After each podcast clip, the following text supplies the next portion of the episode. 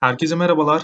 Ben Hürriyet.com.tr teknoloji yazarı Burak Kesayak. Bu podcast'imizde elektrikli araç sektörünün bugünü ve geleceğini konuşacağız. Günümüzde teknolojiden sağlığa kadar birçok alanda olduğu gibi otomotiv sektörü de önemli bir dönüşüm içinde yer alıyor. Karbon emisyonlarını azaltmak, ulaşımı daha çevre dostu ve daha verimli hale getirmek için elektrikli araç sektörü hızla gelişmeye devam ediyor. Bu konuda gelişmeler yaşanırken bir yandan da elektrikli araçların çevre dostu olup olmadığı konusunda çeşitli tartışmalar yaşanıyor. Dünya Sağlık Örgütü'ne göre dizel araçlar benzinli araçları kıyasla 10 kat daha fazla karbon emisyonuna neden oluyor. Bu nedenle birçok ülke gelecek planlarını dizel araç kullanımını yasaklayacak şekilde yapıyor.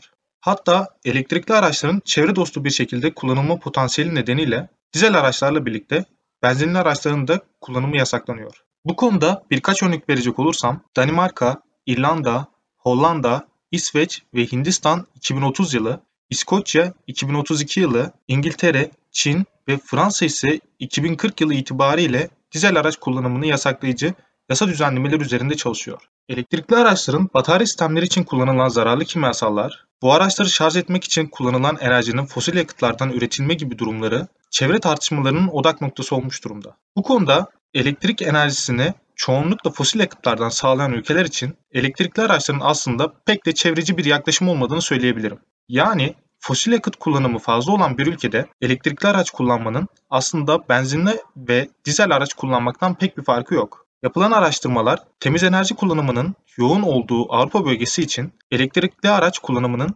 içten yanmalı motor araç kullanmaya kıyasla %30 daha çevre dostu olduğunu gösteriyor.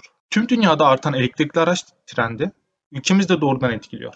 Bağımsız bir düşünce kuruluşu olan Şura Enerji Dönüşüm Merkezi tarafından hazırlanan bir rapora göre Dünya çapındaki toplam elektrikli araç sayısı 2030 yılı itibariyle 120 ila 250 milyon artacak. Türkiye'de ise 2030'da 2,5 milyon elektrikli araç trafikte olacak. Ayrıca 2030 yılı sonuna kadar 25 bini DC yani hızlı şarj istasyonu olmak üzere toplamda 1 milyona yakın elektrikli araç şarj noktasının olacağı öngörülüyor. Bununla birlikte elektrikli otomotiv sektöründe de kıyasaya bir rekabet yaşanıyor. Tesla gibi elektrikli araç üreticileri dünyanın en değerli otomotiv üreticileri listesinde ilk onda yer almaya başladı bile. Hatta koronavirüs nedeniyle birçok otomotiv şirketinin üretimi ara vermesi sonrasında Haziran 2020'de Tesla dünyanın en değerli otomotiv üreticisi ünvanına sahip oldu. Tesla'nın piyasa değeri Ford, Honda, Fiat gibi devlerin toplam değerinden bile daha yüksek bir değere ulaştı. Elektrikli araçlar sadece bireysel otomobillerde değil, toplu ulaşımda ve araç paylaşım sistemlerinde de dönüşüme neden oluyor. Önümüzdeki yıllarda elektrikli araçlarda abonelik sistemlerini görmemiz pek de sürpriz olmayacak diyebilirim. Örneğin Nissan, ABD'de yeni bir abonelik sistemi deniyor. Bu sistemde belirli miktardaki bir katılım ücretini ödeyen müşteriler Select ve Premium abonelik seçeneklerinden istediklerini seçebiliyorlar. Böylelikle müşteriler elektrikli araç satın almadan abonelik sistemleriyle elektrikli araç kullanabiliyorlar. Son yıllarda bu konuda benzer çok fazla girişim ortaya çıktı. Örneğin Los Angeles merkezli Keno isimli bir girişim geliştirdiği elektrikleri satmak yerine Netflix benzeri abonelik sistemiyle kullanıcıları sunmayı planlıyor. Bu girişimler elektrikli araç satın almaktansa abonelik sistemiyle araç kullanmayı daha uygun maliyetli hale getirmeyi hedefliyor.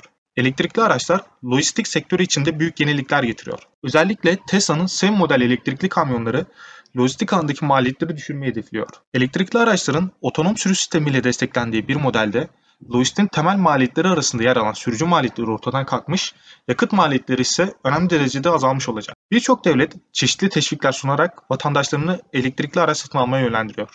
Elektrikli araç sahipleri için sunulan vergi indirimleri, satış sırasında yapılan teşvikler, otopark ücretlerinin ve ev elektrik satış fiyatlarının azaltılması gibi destekler vatandaşların elektrikli araçlara daha fazla yönelmesini sağlıyor. Ayrıca son yıllarda elektrikli araçlarda yaşanan teknik gelişmeler menzilde ortalama 400 km seviyelerinin çıkılmış olması bu konudaki en büyük soru işaretlerinin de kalkmasını sağlıyor. Yaşanan gelişmeler sayesinde elektrikli araçlar hayatımıza çok daha hızlı adapte oluyor diyebilirim. Bu podcast'imizde elektrikli araç sektörünün bugünü ve yarınını konuştuk. Bir sonraki podcast'imizde görüşmek üzere. Sevgiyle, sağlıkla kalın.